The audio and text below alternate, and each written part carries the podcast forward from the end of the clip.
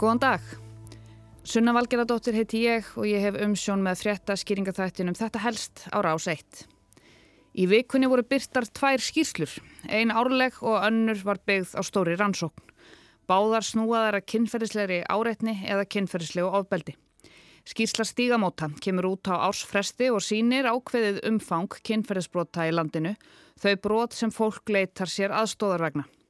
Byðlistarnir á stígamótum er að lengjast, fólk getur þurft að býða í 10-12 vikur eftir viðtölum. Stafrænt kynferðisofbeldi er að aukast og 16% gerenda eru undir 18 ára aldri. Hinskíslan sem byrtist varpaði ljósi á algengi kynferðislegrar áreitni á vinnustöðum landsins og það er töluvert. Ég ætla að glukka í þessar skýrslur í þætti dagsins. Um þriðjungur hvenna á Íslandi hefur orðið fyrir kynferðslegri áreitni eða ofbeldi á vinnustad á lífsleðinni samkvæmt einni viðamestur rannsókn sem hefur verið gerð á heimsvísu. Lektor við Háskóla Íslands og ábyrðarhöfundur rannsóknarinnar segir mikilvægt að tryggja öryggi hvenna á vinnustöðum og að samstarfsfólk hafi augun opinn fyrir ósæmilegri hegðun. Tæplega 16.000 konur tóku þátt í rannsókninni og hún leiti í ljós að konur á ofinbyrjum vettvangi verða oftar fyrir kynferðslegri áreitni eða ofbeldi á vinnustöðum og þá eru hins einn konur líklegri til að vera útsettar heldur en gagkinningðar. Kynferðslega áreitni og ofbeldi gagvart konum reyndist jafn framt algengara á vinnustöðum með vakta fyrirkomulagi og óreglulegum og laungum vinnutíma en annar staðar. Þetta kom allt saman fram í kvöldfréttum sjónvars í gær og var það sunna Karin Sigþórsdóttir sem var með fréttina. 15.799 konur tóku þátt í rannsókninni eða um 30% hvenna á Íslandi. Rannsóknin leiti í ljósa konur á opinberum vettvangi verða oftar fyrir kynferðislegri áreitni eða ofbeldi á vinnustöðum og þá eru hins einn konur líklegri til að verða útsettar heldur en gagkinniðar. Þannig hafa tæplega 16% hvenna sem starfa á ofinberum vettvangi orðið fyrir kynferðislegri áreitni eða ofbeldi í vinnunni, um 15% hvenna í ferðarþjónustu, tæplega 14% í réttarvörslu eða öryggiskeslu og um 13% í framleyslu og viðhalstörfum. Við vitum að, að kynferðislega áreitni og ofbeldi gegn konum er mjög rótgróið félagslegt vandamál sem hefur verið til staðar í gegnum aldirnar því miður og það sem að, að verist vera helsti forspárstáttur fyrir þessu er, er vinnumenningin og þá er mjög mikilvægt, við sjáum það á erlendum rannsóknum að á vinnustöðum þar sem að það eru skýr viðmiðum að þetta sé óheimilt og, og starfsmenn eru upplýstur um hvaða afleðingar slík hegðun hefur, að þar er þetta óalgengari. Rannsóknin er unnin að vísindamönnum við Háskóla Íslands og er eins og stæsta sinnar tegundar á heimsvísu. Greint er frá niðurstöðunum í vísendaréttinu landsett í dag. Þar kemur fram að þriðja hver kona hefur orðið fyrir kynferðislegri áreitni eða ofbeldi á vinnustöð og 8% höfðu orðið fyrir slíku á núverandi vinnustöð. Þá voru yngri konur líklegri til að greina frá áreitni eða ofbeldi.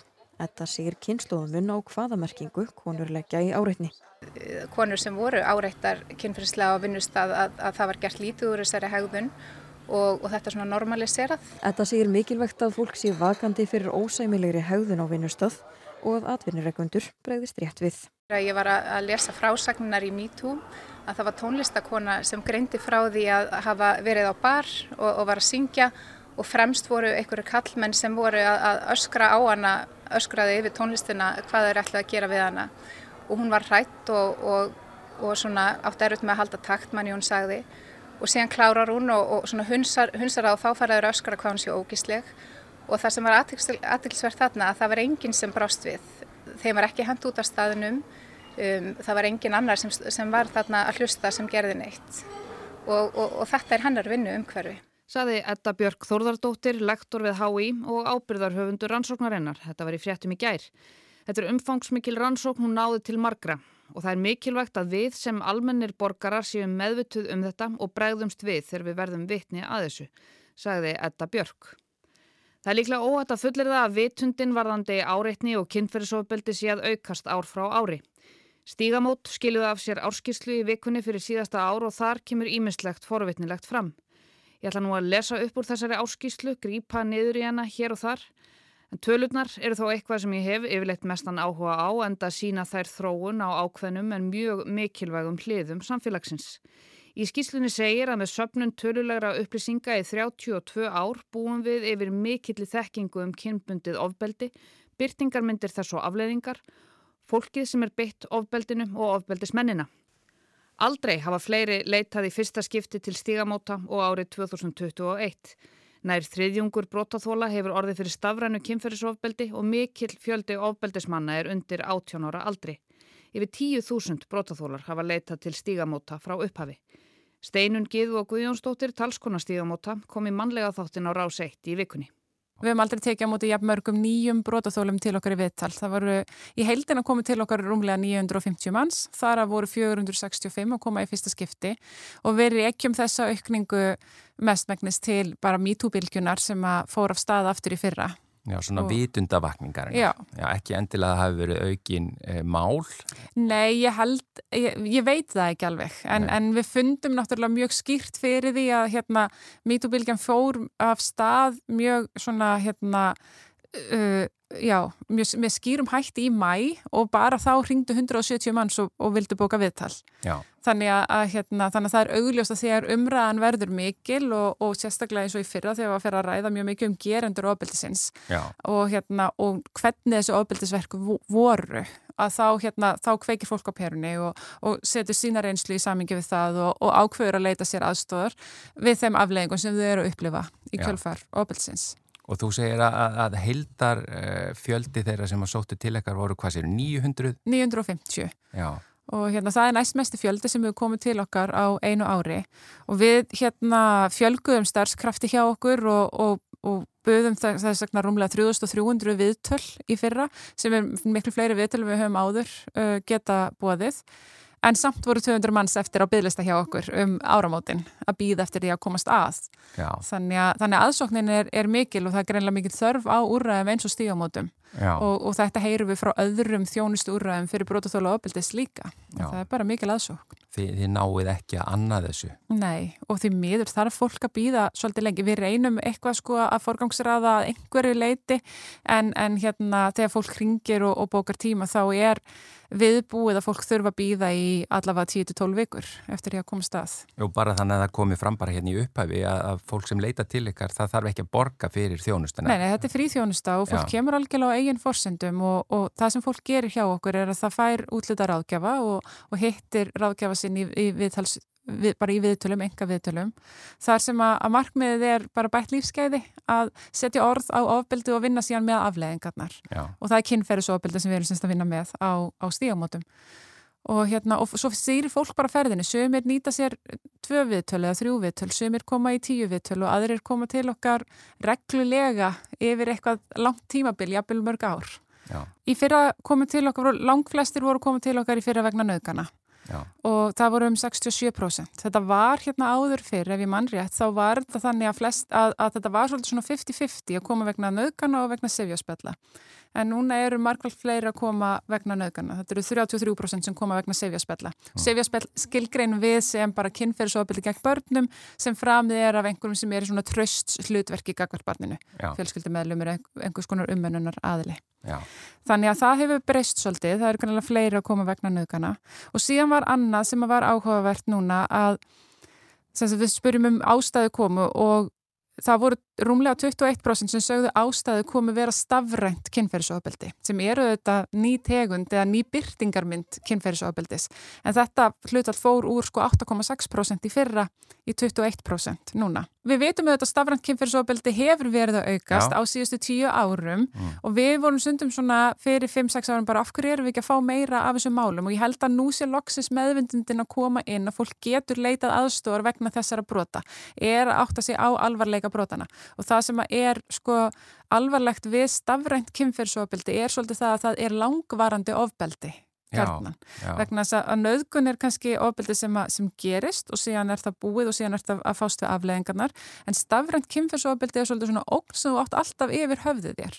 Til dæmis ef einhver hefur hótað að dreifa einhverjum viðkvæmum myndum eða er búin að því þú veist ekkert hvar þessar myndir getur poppað upp hér og þar, e, setna meira á lífsleðinni. Þannig að, þannig að afleðingarnar er svolítið öðruvísið að ekki vera að fást við atbyrg sem er búin og, og gerður heldur kannski eitthvað sem getur komið upp aftur og aftur. Já, en þetta með uh, sko, fjölda ábyldismanna undir 18 ára aldri, séð mm -hmm. okkur frá þeim tölum. Já, þess að þegar fólki okkar kemur í fyrsta viðtal þá, þá byggjum við þau um að fylla út stuttarskíslur um þá sem að beittu þau ábeldinu uh mhm. -huh. og þessum 465 manns sem að komi nýjir í fyrra fylgdu þess að 700 ábeldismenn sem segir okkur í rauninni það að, að, að þetta fólk hefur ímest lend í hópnaugun eða hefur verið beitt kemfyrsóbeldi oftar en einu sinni af fleirin einum aðila mm. margt af þessu fólki og, uh, og þegar við spyrjum út í til dæmis kyngerandana þá eru þeir yðurlega lang flestir karlar yfirleitt er það hlutvelli kringu 95% og það var ekkert öðruvísi í fyrra. En kynjaskiptingin á fólkinu sem leita til ykkar? Já, það er svona, í fyrra var kynjaskiptingin 88% konur mm og 12% karlar og síðan hérna undir 1% af, af, af fólki af öðrum kynjum og, og hlutfall karla sem, sem þólendur sem komast í mót er yfirleitt á þessu bíli, það er 12-15% aðeins mismundi milla ára en, en, varan, en varandi gerinduna þannig að, þannig að þeir karlar sem koma til okkar sem þólendur, það er yfirlega líka karlar sem að beittu þá kynferðisofbildinu. Þeir, þeir eru þó líklegri til þess að vera beittir kynferðisofbildi af hendi konu heldur en konurnar já, já. En, en þó er yfirgnæfindi meira hluti gerindana karlar líka í þeirra málum. Já, stæsti hópurinn að gerindum er á aldrinum 18-29 ára en það er þarna stór hópur af gerindum á aldrinum 14-17 ára. Þetta er náttúrulega bara þryggja ára tímabil já. en þetta eru samt 16% af þeim gerindum sem voru nefndir í þessum skýrslum sagði Steinun Gíðu og Guðjónsdóttir talskona stígamóta við Gunnar Hansson ára á seitt í fyrradag. Óbeldismenn voru í fyrra um 700 talsins og það er um 40% aukning frá árunnu 2020. Þá leitiðu 96 nýjir aðstandendur til stígamóta árið 2021 og það er 33% aukning frá árunnu 2020 þegar aðstandendurnir voru 72. Hafa ber þó í huga að COVID-faraldurinn hafði töluverð áhrif á starfsemi stígamóta árið 2020 svo gerum á ráð fyrir að færri hafi fengið þjónustu það árið en hefðu annars gert. Forsvarsfólk stígamóta segir að samfélagið geti ekki sætt sig við að 83% nöðgunarmála séu feld niður á leiðsynni í gegnum kerfið áður en þau komast í dómsal. Við getum ekki sætt okkur við þetta kerfisbundna missetti sem konur búa við og að ríkið skuli bregðast skildum sínum til að vernda konur gegn ofbeldi. 13% réttlæti er ekki nóg, segir í skýslu stígamóta. Í skýslu sem var gefin út árið 2013 er að finna einu tölfræðilegu samantektina á Íslandi á framgangi mála frá því að þau berast lögreglu, eru sendt til saksóknara og enda svo í dómsal. Þetta eru því nýjustu og bestu tölur sem hægt er að fá um ferli mála innan kervisins. Þetta eru tölur frá 2013. Embætti sem falla undir þessar þrjár meginstóðir réttakerfisins, lögregla, saksóknarar og dómstólar gefa alla jafna ekki út tölfræði sem hægt er að bera saman þvert á embættin og dómsmálaráðunetið heldur ekki utanum þetta heldur. Íslensk stjórnvöld gefa því ekki út tölfræði þar sem hægt er að skoða hvort framfarir verði í málafloknum. Flestum okkar finnst líklega þægilegast að hugsa um kynferðisofbeldi sem gerendalausan vanda, segir í skýslu stígamóta. Þetta er eins konar hamfarir sem skella óvart á óhefnum þólendum þessara brota. En raunin er svo að á bakvið hvern brotaþóla er einstaklingur sem hefur beitt ofbeldi. Við heyrum nefnilega sjálfnast frá gerendum ofbeldis þeir taka almennt ekki ábyrð, þeir koma ekki fram í fjölmiðlum til þess að yðrast gjörða sinna, Því þóttu mörgum óþægilegt þegar konur lístu brotum sem þar hafðu orðið fyrir og lístu gerendum sínum svo nákvæmlega að flestir gáttu átta sig á hvern um reddi. Háflegar umræður um mannorðsmorð, domstólgötunar og nortnaveðar fóru af stað. Varðandi síðasta ár segir í skýslunni að það sé óhætt að segja að umræðan um kynferðisofbeldi hafi sprungið út. Á stígamótum höfðum við í upphafi árs talsverðar áhyggjur af því að umræða um kynferðisofbeldi hafi alveg dotti niður í COVID-faraldrinum. Mælingar á fjölmiðla umræðu síndu að árið 2020 var talsvert sjaldnar fjallað um kynferðisofbeldi, nöðganir og kynferðislega áreitni en árin áður. Vissulega hafði ofbeldi gegn konum verið í deglunni vegna þess að vitaði er að samfélagslega einangrun og kreppa eins og svo sem kom með COVID-faraldrinum eigur yðurlega á heimilisofbeldi og annað kynbundið ofbeldi. Umræða um heimilisofbeldi hafði því verið kröftug og fengið nöðsynlega aðtegli. En þetta er jú alltaf breytast og við erum að komast á réttan kjöl. Ég ætla að láta þessari yfirferð minni um kynferðis áreitni og kynferðis ofbeldi lokið í byli. Takk fyrir að leggja við hlustir og við heyrumst svo aftur eftir helgi.